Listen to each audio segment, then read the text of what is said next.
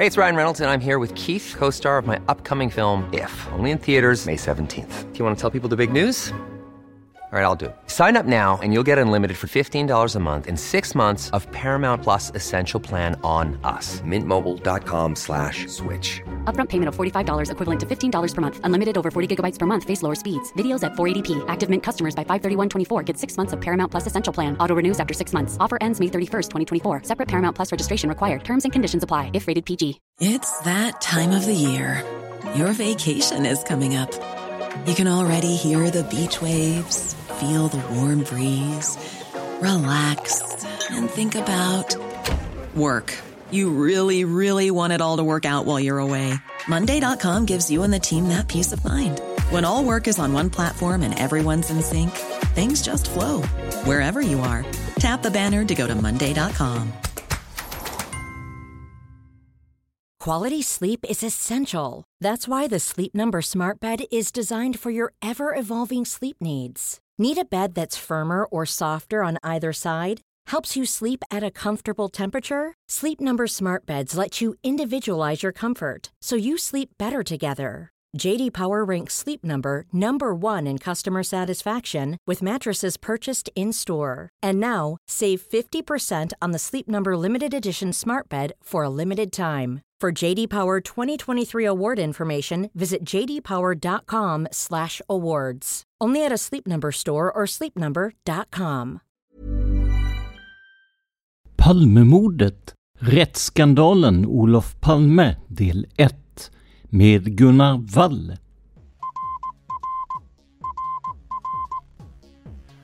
Sveriges statsminister Olof Palme är död. 90 000. Ja, det är mord på Sveavägen. Hörde de säger att det är Palme som är skjuten. Mordvapnet med säkerhet är en Smith Wesson, en revolver kaliber .357. Inte ett svar. Finns inte ett svar. För jag har inget. Och jag har inte varit Varför skulle jag göra Polisen söker en man i 35 till 40-årsåldern med mörkt hår och lång mörk rock. Välkomna till podden Palmemordet som idag görs av mig, Tobias Henriksson på PRS Media. Som vanligt går det alldeles utmärkt att stötta oss om ni tycker att det vi gör är bra. Det enklaste sättet att göra detta på är att gå till patreon.com palmemordet och välja en summa som podden får per publicerat nytt avsnitt. Görs inga nya avsnitt så dras heller inga pengar. Det är alltså patreon.com palmemordet som gäller. Och om du hellre vill göra en engångsdonation, ja då hittar du alla sätt att göra det på i avsnittsbeskrivningen. Och om du vill stötta dagens gäst, Gunnar Wall, så är ett bra sätt att göra detta på att köpa hans nyutkomna bok Rättsskandalen Olof Palme, Mordet, Syndabocken och Hemligheterna. Det är om den som dagens avsnitt och även nästa veckas avsnitt ska handla. Innan vi kör igång med intervjun vill jag bara säga att det förekommer lite brus när Gunnar pratar i början av avsnittet. Men det här försvinner i stort sett helt efter att vi tagit en paus och han stängt dörren till rummet där han satt. Vi hoppas att det inte stör er som lyssnar allt för mycket. Min första fråga gällde själva titeln. Vad syftar Gunnar på med ordet rättsskandal?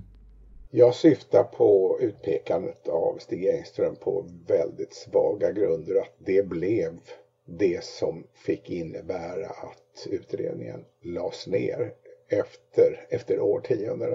Alltså, alltså det var ju både en rättsskandal för att det var en anklagelse mot Engström som var ogrundad och det var också ett väldigt märkligt sätt att utreda eller att avsluta en så viktig utredning. Det fanns ju så mycket som hade behövt utredas och man hade, man hade åtminstone velat att slutet skulle kännas rimligt och anständigt. Det hade, varit, det hade inte varit en rättsskandal, tycker jag, om utredarna hade sagt att vi har kört fast, vi kommer inte längre, vi får lägga det hela på is, eh, vi kan inte göra mer just nu. Det hade varit synd men inte oacceptabelt, men den här avslutningen den tycker jag var oacceptabel. Det, det, som, det som slår mig är, för jag vet ju till exempel då efter att eh, utredningen lades ner så cirkulerade det ett, ett upprop om att utredningen skulle återupptas. Det där skrev du under och där skrev jag och Dan under och många andra också journalister och eh, poddar och allt möjligt här. Men alltså jag, jag, jag får en känsla och av folk som hade varit med i utredningen också. Ja, definitivt. Absolut. Mm. Det höll jag på att glömma. Andersson exempelvis, ja. Precis, precis. Eh, men alltså jag, jag, får en känsla av att det här, jag menar, du är, du är vanligtvis, måste jag säga, eh, väldigt, ja men snäll och ödmjuk på alla sätt, men det, det känns som att du är, du, du är lite förbittrad över det här, eller? Eh, just med nedläggningen. Det verkar gå dig hårt till sinnes, tänker jag. ja, vad ska man säga? Nej, men alltså jag tycker, eh, jag tycker att det, det var sorgligt med en sån avslutning.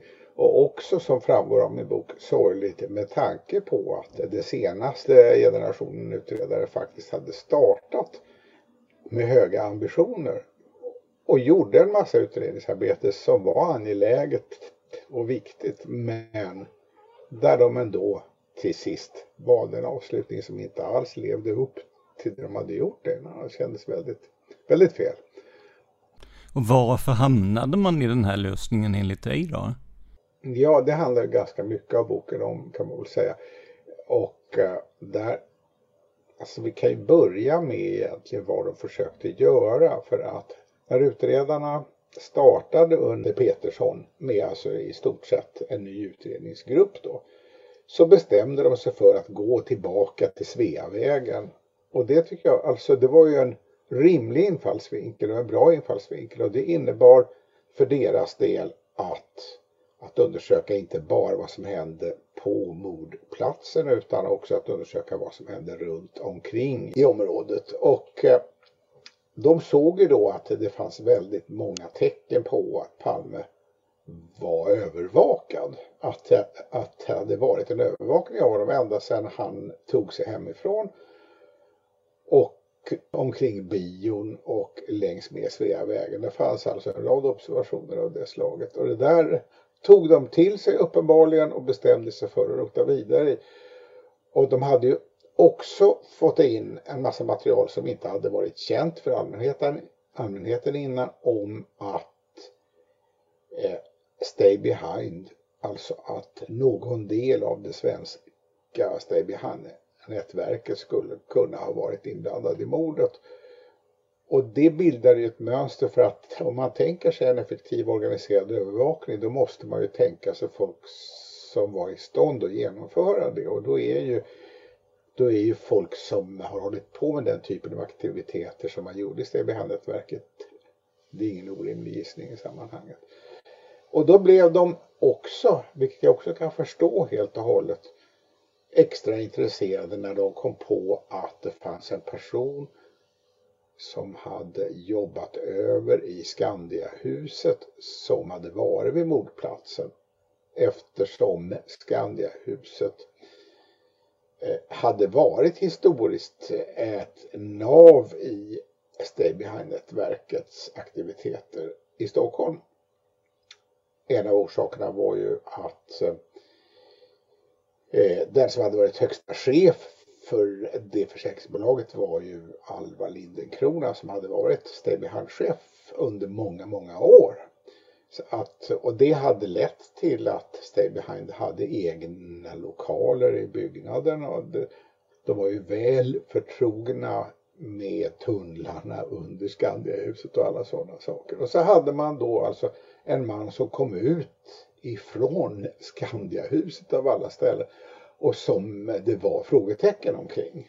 Och det är klart att då såg de det som en chans att kunna knyta ihop alla de här observationerna av övervakning med, med en namngiven individ. En individ som skulle kunna gå, gå och peka ut och säga, säga att han var inblandad i mordet.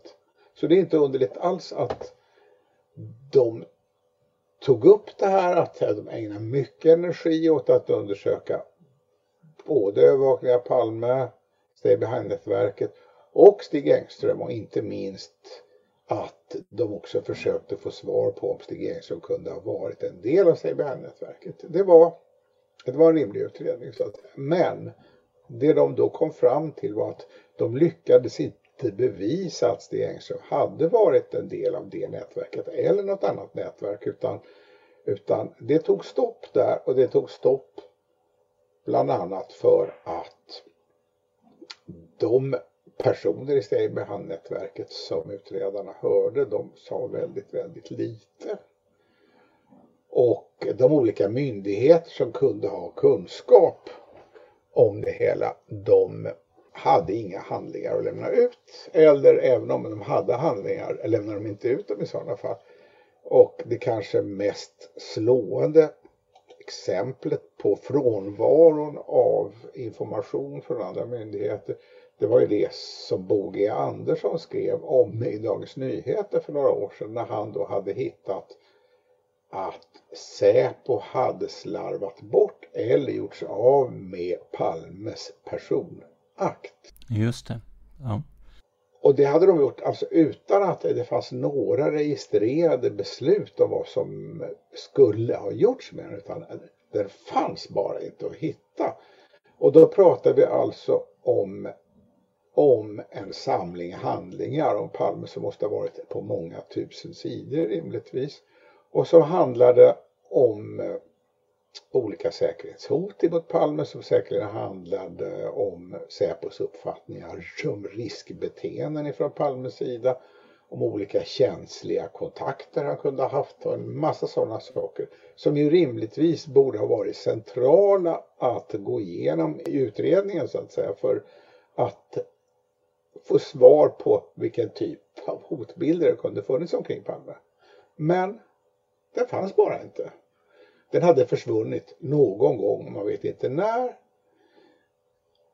Alltså, och det var som en av utredarna som jag talade med, Jonas Englund, han sa att luften gick ur honom när han hörde det. Alltså då kändes det som att hur ska vi kunna få fram sanningen om mordet när andra myndigheter gör så här? Och det var, ja, det här var alltså en del av orsakerna till att utredarna körde fast. De kom inte längre. De stod där, de hade de uppgifter de hade. De lyckades inte avfärda uppgifterna om walkie-talkies eller övervakning eller sådana saker. Det var inte så att det gick att stryka dem så att säga utan det var bara det att de kom inte fram till några namn som man skulle kunna väcka åtal mot utan de fanns bara där de här uppgifterna. Och så hade man då Stig Engström som det inte gick att knyta till någon organiserad aktivitet. Men där utredarna ändå var övertygade om att Engström var involverad och där de då så att säga bestämde sig för, för att få ett slut på utredningen, att peka ut Engström ensam. Och ja, alltså det gjorde de då, då och lyckades med att bortse från vad jag menar en rad tunga argument för att det var orimligt att Engström var gärningsmannen eller inblandad i något annat avseende. Men de hade så att säga ägnat så mycket energi åt det här med Engström och något organiserat och när de inte fick tag i några, no, några organiserade individer då hade de kvar Engström och då var det förstås frestande när det är så i rättsapparaten att en åklagare kan väcka åtal om han har någon att väcka åtal mot eller han kan lägga ner utredningen. En av omständigheterna att han kan lägga ner utredningen är om den som är misstänkt inte längre lever. Och då innebär det att då kan åklagaren själv avsluta utredningen. Han han behöver inte fråga en domstol om vad som är rimligt och sant utan han kan ta det beslutet själv och sen är det slut helt enkelt. Och där hade ju då utredarna det verktyget i sin hand att de kunde så att säga sätta punkt för utredningen genom ett utpekande av Engström. Och det var uppenbarligen så lockande för dem att göra det, att få till stånd ett slutsatt. de gjorde det fastän de saknade alla tyngre argument. Och då ska vi komma ihåg en annan sak också tror jag. Och det är att när Petersson gick ut i februari 2020 och sa att han skulle presentera en avslutning på utredningen inom ett halvår. Så Eller under det första halvåret 2020 sa han till och med. Så att, ja, just det. Ja. Just det. Och då, då hade han uppenbarligen förhoppningar om att de skulle få fram tunga grejer på Engström. Han hade, han hade övertygat sig om att de snart skulle ha den här bevisningen som de inte hade riktigt än. Och det som hände sen, det vet vi ju det, att de jobbade intensivt men de hittade inget nytt emot Engström överhuvudtaget. De hoppades ju till exempel på DNA-bevisning på några anonyma brev som de hade fastnat för.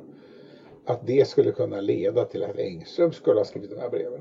Det visar sig att eh, det stämde inte in på Engström överhuvudtaget. Det blev ingenting där och då gjorde andra försök också men det blev stopp. Det var egentligen bara en sak de lyckades med och när de hade lyckats med det då bestämde sig Petersson för att sätta ut en dag då han skulle presentera nedläggningen av utredningen. Och det var att de fick ett uttalande från NFC om vapnet och kulorna. Och det uttalandet det, det sa Petersson om att det här var ledsamt att de fick det här uttalandet. Han var besviken och så vidare. Men det var i själva verket ett uttalande som var det de behövde. Därför att det här uttalandet sa att det gick inte att fastslå vilket vapen som skulle kunna användas överhuvudtaget. Att eh, det gick inte ut ifrån en analys av kulorna att avgöra vilket vapen som hade använts. Och det innebar naturligtvis i sin tur att det gick att hävda att det skulle kunna ha varit Engströms vän, vapensamlarens vapen som var aktuellt ändå. Alltså, det gav en liten öppning åt det hållet om man så ville. Va? Och därför, därför att de hade vetat ända sedan 2018 om jag inte minns fel att NFC hade sagt att det fanns inga tecken som tydde på att vapensamlarnas vapen skulle ha varit mordvapnet och det hade ju tyngt dem under ganska lång tid. Så om de hade varit besvikna, då var ju det länge, då hade de varit besvikna i två år så att säga. Det de nu fick var ju liksom någonting som sa att ja, det spelar liksom ingen roll, vi kan ha haft rätt ändå. Va? Och det innebär naturligtvis att man skulle kunna säga det om alla andra vapen också naturligtvis. Det har ju ingen annan innebörd än så. Så att eh, förutom några vapen där det var osannolikt att, att det skulle vara de vapnen. Men, men alltså, ja. Så att alltså det där var ju, var ju också ett icke-bevis egentligen. Men det var det enda nya de hade att lägga fram när de la ner utredningen. Och man såg ju på Petersson och Melander att de såg inte glada ut. Det var ju en skillnad mellan när de, när Pettersson, eh, Pettersson gick ut med det i tv till det att eh, han satt på presskonferensen definitivt. Ja, det var en slående skillnad. Då hade han ju först lätt segervisst skulle jag vilja säga. Va? Som att jag har en hemlighet som inte ni vet ännu. Ungefär, va? Men, men, och sen såg han ju ut som att nej, nej, det hade jag kanske inte ungefär. Så att, men alltså då hade de redan satt sig i den sitsen att det skulle varit väldigt svårt i det läget att gå ut och säga att vi trodde att vi hade en lösning men det hade vi inte. Vi står och stampar, vi kommer inte vidare. Det hade ju krävt en form av mod och integritet som kanske inte så många har att säga det i det läget. Men det är det jag tycker de skulle ha sagt. Så. Men, men den här eh, den här hemligheten som ingen visste om då, eh, enligt dig så är det kopplingen till Stay Behind då, eller? Jag tänker att Lars Borgnäs var ute och pratade om Sydafrika, eh, nu ska vi se, Daniel Suhonen var det väl som, som pratade om att man skulle haft eh, vapnet och så vidare. Men, men e, enligt dig så är det Engströms eventuella koppling till eh, Stay Behind som man jobbade med då helt enkelt.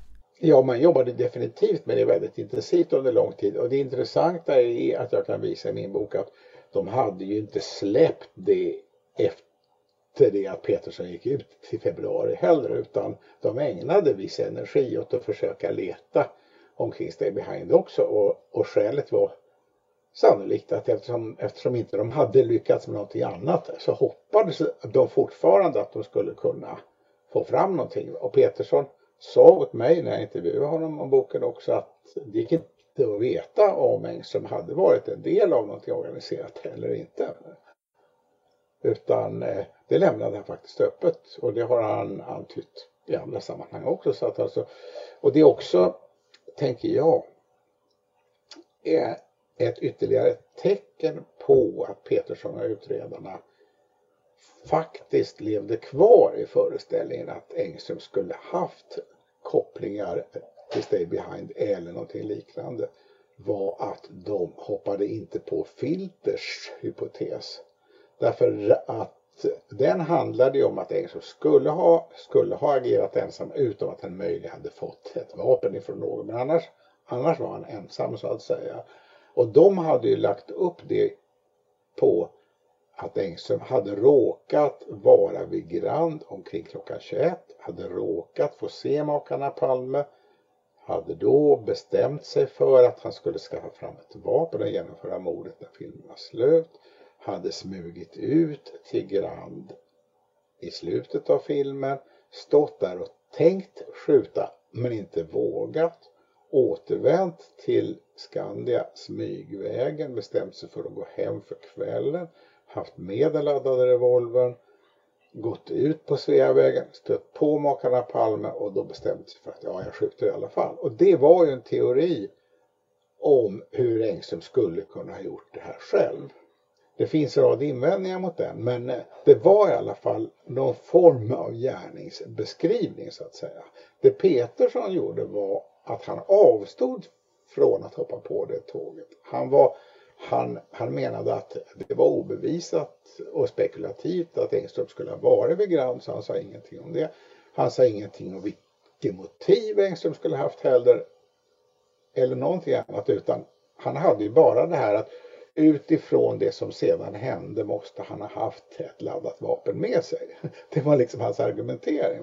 Och det blev ju då alltså, alltså en så uppenbart ofullständig beskrivning av vad Petersson ansåg hade hänt. Va?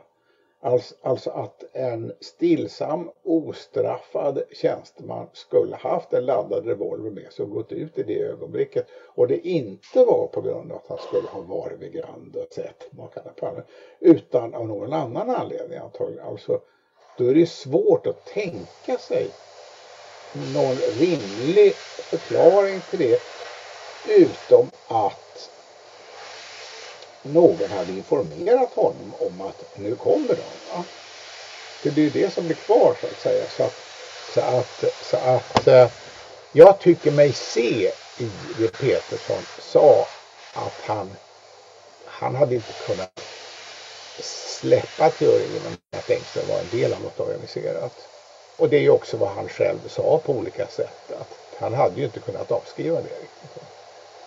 Eh, vill bara flika in en sak. Vi pratade ju om det här med Säpos personakt som hade försvunnit och det, det behöver ju inte betyda att det finns en akt där det står om ja, men misstänkta otrohetsaffärer eller eh, ja, vad det nu, sådana här grejer som eh, lite mer konspiratoriskt utan faktiskt precis som du säger då eh, eventuella hotbilder mot, mot Palme. Så det behöver liksom inte vara fullt så, så konspiratoriskt som det kanske låter, eller hur?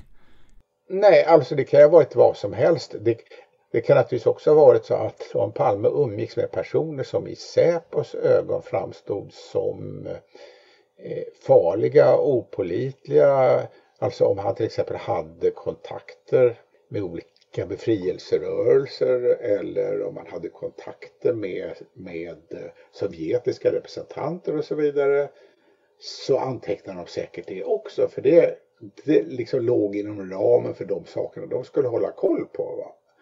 Om han, eh, ja om han, eh, om, det kan ha varit vad som helst om han, om han, eh, om han visade tecken på att inte må psykiskt bra eller, eller vad som helst. De antecknade väl allting som liksom låg inom ramen för det som de skulle kunna tycka var intressant. Va? Och det behövde inte vara uppgifter som var sanna heller. Kan, kan, kan ju ha varit tips från olika människor som inte stämde men de antecknade väl i alla fall.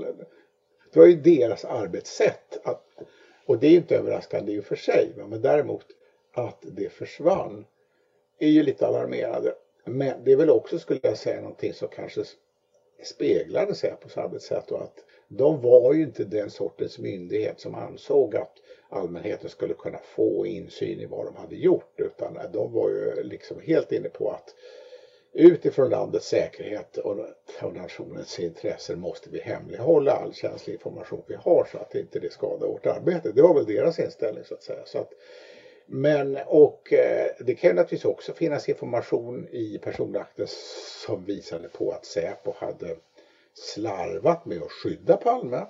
Det kan ha varit hotbilder som hade rapporterats in som Säpo inte hade gjort någonting åt. Det finns ju åtskilliga uppgifter om det i utredningen som vi vill.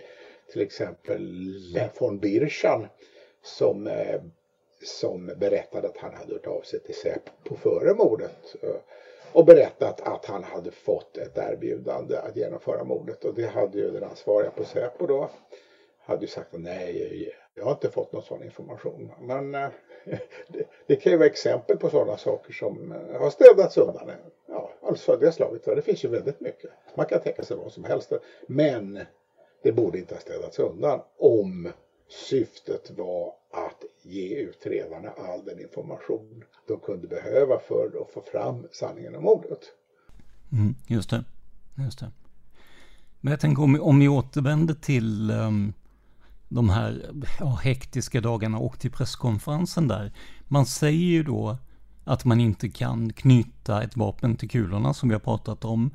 Jag frågade ju då när jag fick de här sju minuterna med eh, Christer Petersson om det innebär att vapenundersökningarna som har gjorts då var förgäves egentligen för att man, man sa att det gick inte att knyta till något vapen egentligen mer än något annat då ju. Eh, det duckade han lite för där ju, men du skriver ju i din bok och eh, jag vet också eh, sen jag pratade med Sonny Björk, han är ju förvånad över det här att eh, man var så kategorisk vad gäller vapnet, eller inte sant? Jo, jag tror de var kategoriska för att det låg väldigt väl till hands när man så att säga ville ärerädda Engströmspåret. Att då kunna säga att att inte vi har fått fram uppgifter om ett vapen som kan knytas till Engström-mordet. Eh, det spelar ingen roll för det skulle ändå inte ha gått ungefär. Alltså, det blev ju så lockande att säga det och uppenbarligen ansåg den här NFC-experten att det var så också. Och man kan väl säga så här tror jag att det har ju länge varit uppenbart att det har, att det har varit förenat med stora svårigheter att hoppas på att man skulle kunna lösa mordet genom att få tag i vapnet. För att man kan ju säga så här att om mordvapnet hade använts om man hade skjutit med mordvapnet efter mordet då, då finns ju inte längre samma spår i pipan utan då har ju det förändrats i viss utsträckning. Va? Man kan också tänka sig eh, pipa pipan skulle ha bytts ut. Det är en inte särskilt invecklad operation uppenbarligen. Och skulle man då ha, ha en annan pipa då skulle ju inte vapnet ha några spår av att ha varit inblandat i mordet överhuvudtaget förstås. Eh, det finns ju dessutom en osäkerhet som utredarna valde att ignorera, nämligen att det behöver inte varit ett 357 Magnum, det kan ha varit 38 special istället om man modifierat vapnet eller ammunitionen på olika sätt. Va? Så, att, så att det finns ju, och det är också så att man har ju bara provskjutit eh, vapen ifrån Stockholmsområdet.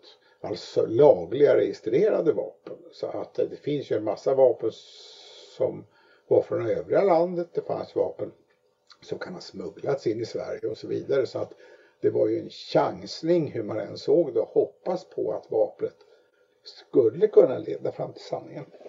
Men, men jag tror i och för sig att Sonny Björk har rätt i det avseendet att eh, det finns omständigheter då det skulle kunna gå att binda ett vapen vid mordet. Det är inte uteslutet. Va? Så att, jag tror inte det var 100 procent att det var omöjligt. Det tror jag inte. Sonny säger ju till oss också i en intervju att när jag frågade honom just om det här att man bara hade testat vapen i Stockholmsregionen så frågade jag om det var en brist i utredningen då att man inte hade testat ja men andra, i alla fall andra legala vapen eh, runt om i landet. Och då säger ju han att han tycker det då ju. Och eh, jag gjorde ju sådär att jag skickade ju dels hans uttalande om eh, eh att, att han tror att det skulle gå att, att eh, så att säga länka samman ett vapen med kulorna då. Plus det här uttalandet om att det var en brist i utredningen. Det skickade jag till NFC bara för att höra vad, vad deras kommentar till det var, i och med att de ändå hade gjort undersökningen. Men där fick, jag fick ingen, ehm, jag fick ingen riktig respons där, utan det var mer att vi har tyvärr inte tid att, att svara på det här ungefär då. Så att eh, det hade varit jätteintressant att få NFCs syn på det ju.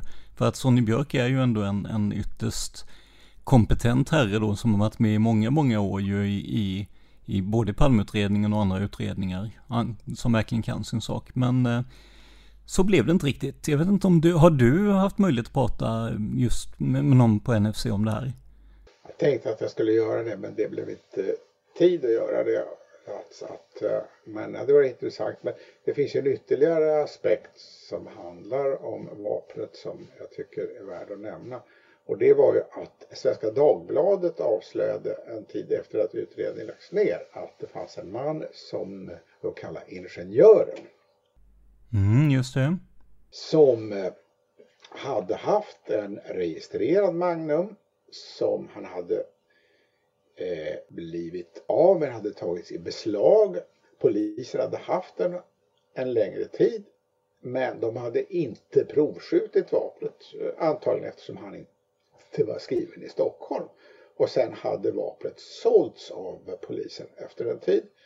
Och den här mannen, han var intressant på det sättet att det visade sig, vilket inte utredarna hade, hade lyckats komma på, att det var han som hade skickat två Magnum-patroner till Kjell-Olof Fält kort tid efter mordet med ett brev där han tog på sig mordet för sin organisations räkning.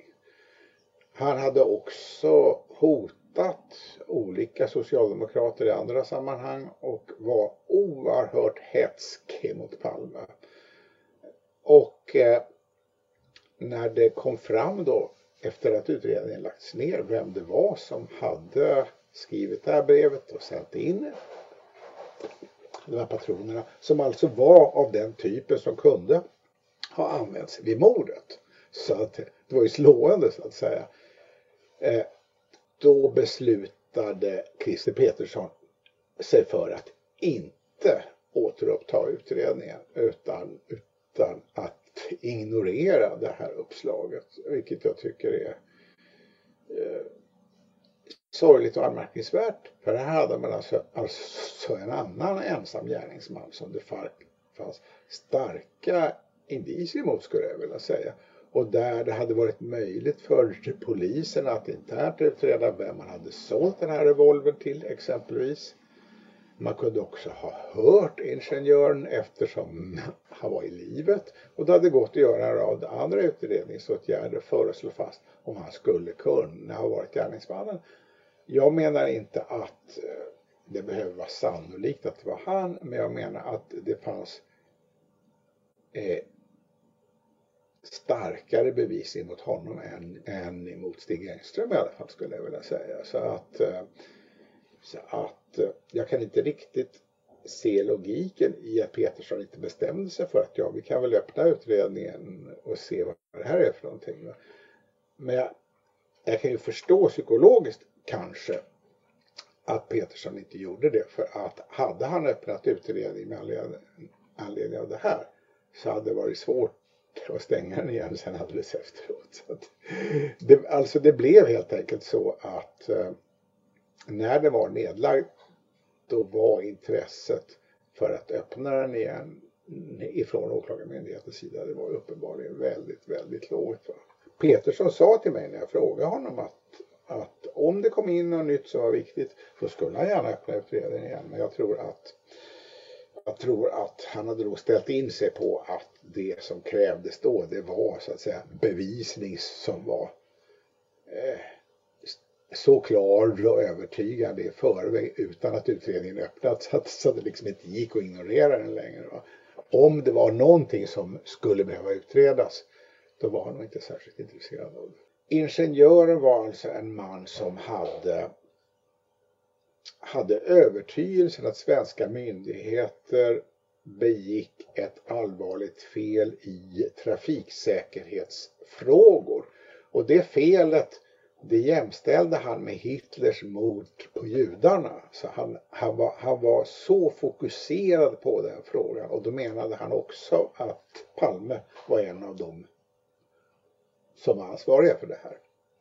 Eh, jag, jag har suttit med Alf Eneströms förhör och sånt där. Han, han hade ju också en väldig, han hade ju liksom en, en, en bild av att eh, Palme låg bakom mord på hans son och så vidare.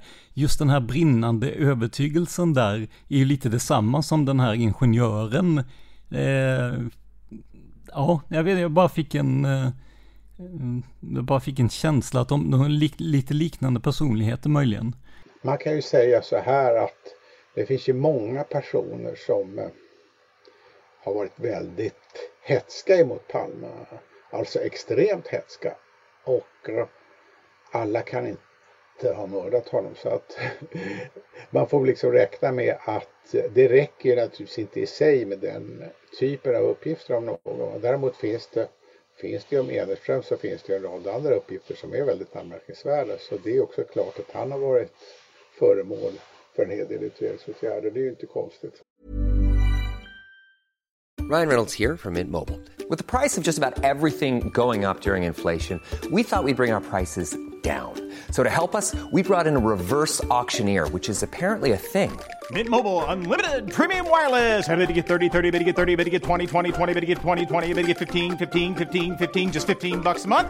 So, Give it a try at mintmobile.com/switch. slash $45 up front for 3 months plus taxes and fees. Promo for new customers for limited time. Unlimited more than 40 gigabytes per month slows. Full terms at mintmobile.com.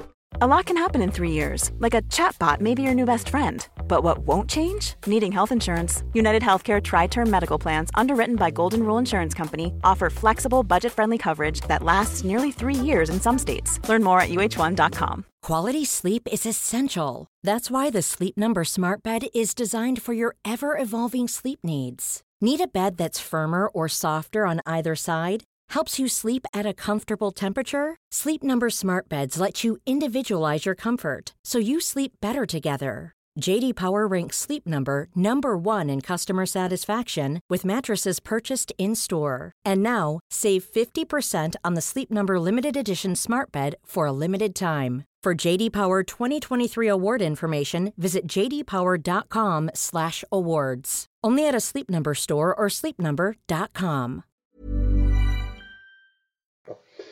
Och i fallet Ingenjören har vi ju just det här med eh, hylsorna var det vi sa va? Ja, det, alltså det är ju rätt slående så att säga. Det är inte vem som helst som skickar in två magnumhylsor och tar på sig mordet. Va? Så att, eh, och det var ju anmärkningsvärt. Alltså det var ju, det var ju Johannes Finnlaugsson, en ståuppare och en vän till honom som hade fått fram de här uppgifterna själva, hört av sig till utredningen.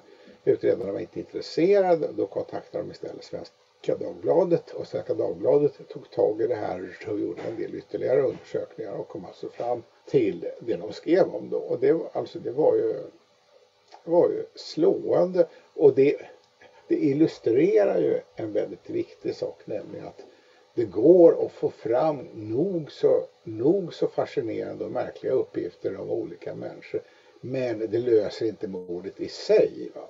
Och tittar man på det utredarna hade om Stig Engström då blir det väldigt uppenbart att de hade saker som såg ut att vara slående men de hade inte någon bevisning som, som överhuvudtaget räckte för ett seriöst utpekande.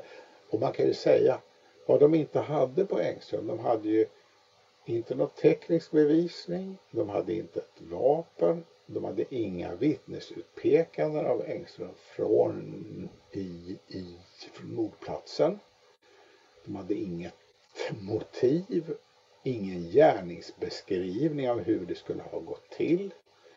Och det fanns ju inte heller några uppgifter från folk i Engströms omgivning som angav att han skulle vara en typ som skulle kunna ha genomfört den här typen av handling så att säga. Så att det, är väldigt mycket de inte hade. Och det leder ju till frågan, vad, vad var det då de hade? Och eh, det där skriver jag om i boken då och en väldigt central punkt i Peterssons argumentering, alltså den helt centrala punkten egentligen, är ju det att han menade att Engström hade inte varit synlig på mordplatsen under minuterna efter mordet. Och det blev ju så att säga den axel som allt övrigt hakades upp på ungefär. Det illustreras ju inte minst av när Petersson resonerade om den gula linjen som han nämnde i sin genomgång. Och det han menar med den gula linjen det var ju helt enkelt från vilka platser kunde någon observerat Lars J där han stod nedanför trapporna eh, en liten stund efter mordet. Där hade ju Engström själv sagt att han hade sett någon som stod inne i gränden där han själv stod vid Dekorima. Och där hade då Thomas Pettersson och andra har ju istället varit inne på att Engström måste ha sett Lars J uppifrån trapporna under sin flykt. Och där var ju då Thomas Petterssons och Filters argumentering och Lars Larssons argumentering med hans bok. Det var ju det att, eh, att Engström kunde inte ha sett Lars J från mordplatsen därför att, därför att Lars J stod dold. Men det visade sig ju sen när saker undersöktes att Lars hade visserligen när mordet ägde rum så hade han stått bakom byggbarackerna så att han inte var synlig från mordplatsen. Men han hade ju flyttat på sig en liten stund efteråt och då hade han ju stått nedanför eh, trapporna så att han var väl synlig ifrån mordplatsen utan svårighet. Vilket ju understryks skulle jag vilja säga att Lisbeth såg en man som stod där som rimligtvis var Jeppsson.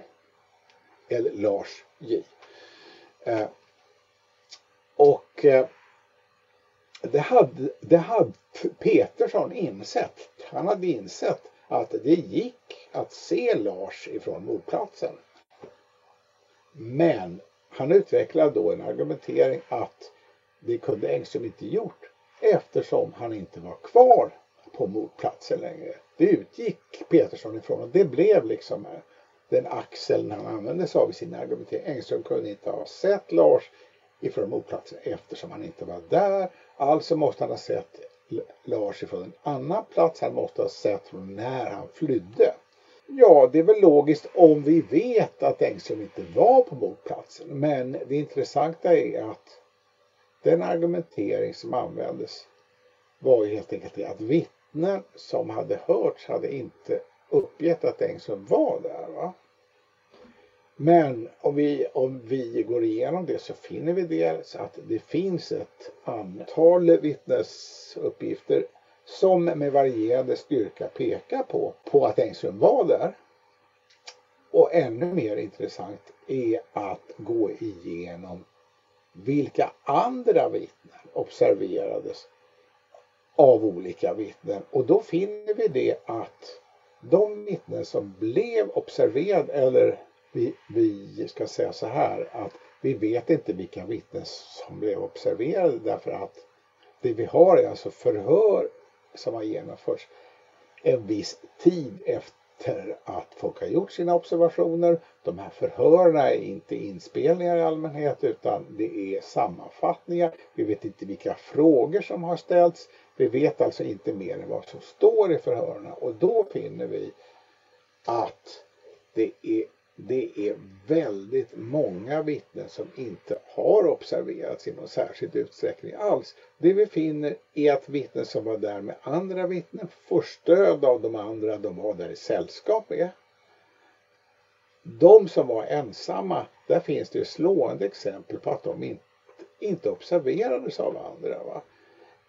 Eh, och det gör att Engström som var ensam där, alltså han, han sticker inte ut i det sammanhanget överhuvudtaget. Eh, det är också så till exempel, bara för att ta ett exempel, att när vittnet Lars J som alltså sprang efter mördaren som eh, sprang upp på David Bagares gata och senare gick ner till mordplatsen. Det finns inga vittnesobservationer av att Lars J var på mordplatsen överhuvudtaget när han kom dit. Så att alltså, vi vet att han var där för att han blev ju hörd och alla andra sådana saker. Men alltså det finns inga vittnesobservationer av det. Så, så, att alltså det säger ingenting. Alltså det, det skulle säga någonting om vi var övertygade om att antingen var Engström väldigt, väldigt aktiv i livräddningsarbetet eller också var han inte där. Men, men en rimlig tolkning är att Engström kanske gjorde vissa försök eh, med livräddningsarbetet. Kanske sa något uppmuntrande, kanske sträckte fram en hand eller någonting sånt där. Men om han inte var mer aktiv än så finns det ingen större anledning att tro att det satte några djupare spår hos folk överhuvudtaget. Så att, eh, att går man igenom det där finner man att det som är det centrala argumentet emot Engström, det finns inte något underlag för det egentligen. Och det ska ju också sättas i samband med alla de observationer som Engström själv har redovisat av vad han såg när han var på mordplatsen. Och det startade ju redan när han återvände till Skandia cirka 23.40 och talade med, med väktarna där om vad han hade varit med om. Och så fortsatte det med vad han berättade för folk som han kände, vad han sa till media redan dagen efter mordet, vad han sa till polisen och så vidare. Det finns liksom en lång rad uppgifter från Engström om vad han hade varit med om och det stämmer väldigt väl med det som hände på mordplatsen. Det enda som stämmer lite sämre är att Engström så att säga lyfter fram sina egna insatser lite mer än vad som är sannolikt att det stämde så att säga. Men alltså annars observationerna till och med att Lisbeth blev bryskt behandlad av polisen vilket Söderström själv har medgett att det var så. Han ryckte, ryckte och tog tag i henne till och med. Alltså, alltså hur, hur skulle Engström ha vetat det om han inte var där så att säga? Var kommer det ifrån? Alltså det finns en rad exempel av det slaget där det stämmer, stämmer väldigt väl det han har berättat och där, där kan man ju fråga sig också om han skulle ha varit gärningsmannen. Varför skulle han då ha bemödat sig och försöka, försöka få fram så mycket uppgifter om att han själv var på platsen när han visste om att han inte hade varit där? Det skulle ju bara, bara ha ställt till det för honom. Han kunde ha hamnat fel och missuppfattat saker och han, han skulle i onödan ha gett intrycket av att han var väl synlig på platsen själv, vilket skulle varit väldigt obehagligt för honom om han nu inte var där alls. Så att varför skulle han eh, ha påpekat att han sett vittnet Lars under sin egen flykt? Han kunde ju inte veta att om Lars var synlig från någon annan vinkel då. Det skulle kunna varit oerhört avslöjande för honom om, om det nu var så och så vidare. Så att eh, alltså det de som argumenterar för det försöker förmedla en bild av Engström som en djävulskt listig och konspirativ individ. Och då måste man fråga sig, stämmer det med det vi vet om Engström? Det gör det ju inte. Det gör ju faktiskt inte det. Va? Så att eh, den här bilden av Engström som, alltså det är också viktigt att komma ihåg att om inte Engström själv skulle ha tagit kontakt med en massa människor så skulle ingen ha vetat om att han hade varit på mordplatsen överhuvudtaget. Jag menar, jag menar, han gick ut ifrån, ifrån Skandia oklart när. Om det var så tidigt som de som vill ha honom till gärningsman hävdar, då skulle han gått ut redan kanske 23, 19 och 30 eller någonting sånt där va. Ja, då skulle han ha hunnit med, med och gå förbi mordplatsen innan det hände någonting där. Han skulle ha varit framme vid Kungsgatan eller något sånt antagligen. Va? Och då skulle han inte ha märkt någonting. Då kunde han i efterhand så kunde han bara sagt att jag åkte hem, jag hörde efteråt vad som hände där, det var hemskt, men jag såg ingenting av det. Va? Så att, alltså, men hans, alltså, alltså ingenting av det som finns om Engström i utredning skulle ha funnits där antagligen om inte han själv hade uppmärksammat att han var där, alltså som han inte hade sagt det. Va?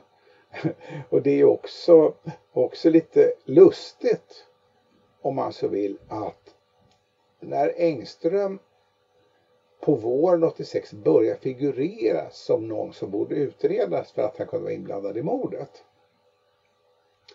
Då var det utifrån utifrån de här Ålandsuppgifterna som senare visade sig vara fullständigt utan någon saklig grund överhuvudtaget. Det var alltså så att Engström hade låtit sig intervjuas, hade förekommit i media och då var det en kvinna som hade en affär i Mariehamn och där hade det kommit in en man någon gång i mars tillsammans med sin fru och dotter. Engström hade ingen dotter för övrigt.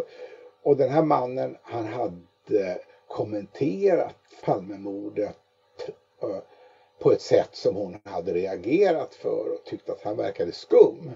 Och sen hade hon sett Engström i tv eller om, om det var i tidningen och då hade hon tänkt det var nog han jag såg och då hade hon slagit larm om det. Och eh, hon hade också spekulationer att mannen kanske var på Åland för att hjälpa EAP som hade tryckeri där och hon hade noterat då att Gunnarsson hade ju anknytningar till EAP så att om Engström var inblandad i mordet så kunde han också vara, var inblandad med EAP och så vidare. Allt det där var ju bara eh, fel helt enkelt. Va? För Engström hade inte varit på Åland, Engström hade ingenting att göra med EAP. Det, det var liksom ingenting. Va? Men det var det som startade utredningen av Engström, den här inofficiella utredningen av Engström. Och den utredningen i sin tur är också bizarr för att det var alltså så att polisen visste då att en FD-polis jobbade på Skandia. Per Häggström som han hette. Och han och då bad de honom att undersöka Engström lite grann. Va? Och då var det så olyckligt att Häggström, han hade alltså jobbat på Skandia ett antal år och han hade kört fast i karriären där. Han fick inte längre några intressanta uppdrag. Han kände sig förbisedd. Och så fick han då av sina gamla arbetskompisar chansen att visa att han kanske kunde få fram bevisning i århundradets stora mordutredning. Så han gick ju igång och liksom letade all möjlig skit på Engström som gick och spred naturligtvis uppgifter om Engström ibland andra anställda och så vidare. Han, så att, att det blev ju liksom en eh, det blev för honom hoppet om att kunna visa hur bra han var i en utredning som var så oerhört uppmärksammad. Va? Och det gjorde ju då att Engström Engström snart framstod som suspekt eftersom Häggström letade, ju, letade uppgifter som skulle kunna ge stöd för det. Va? Det intressanta är, är att Häggström långt ifrån var någon expert på Engström. Han säger i ett förhör, det är 2017 eller vad det är, att han träffade bara Engström en enda gång och det var mycket kort. Så att, alltså, alltså, han hade inte några egna kunskaper om Engström egentligen. Va? Vilket inte hindrar honom ifrån att beskriva Engström som en inpiskad lögnare.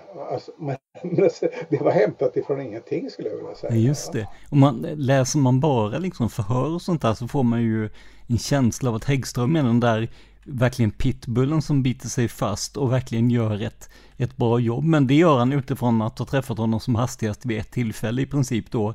Och sen, ja, och då gjorde man väl, eh, det pratades i alla fall om eh, någon form av, eh, vad ska vi säga, inoffic inofficiell eh, eh, husrannsakan, att man skulle kolla efter vapenfett och allt möjligt.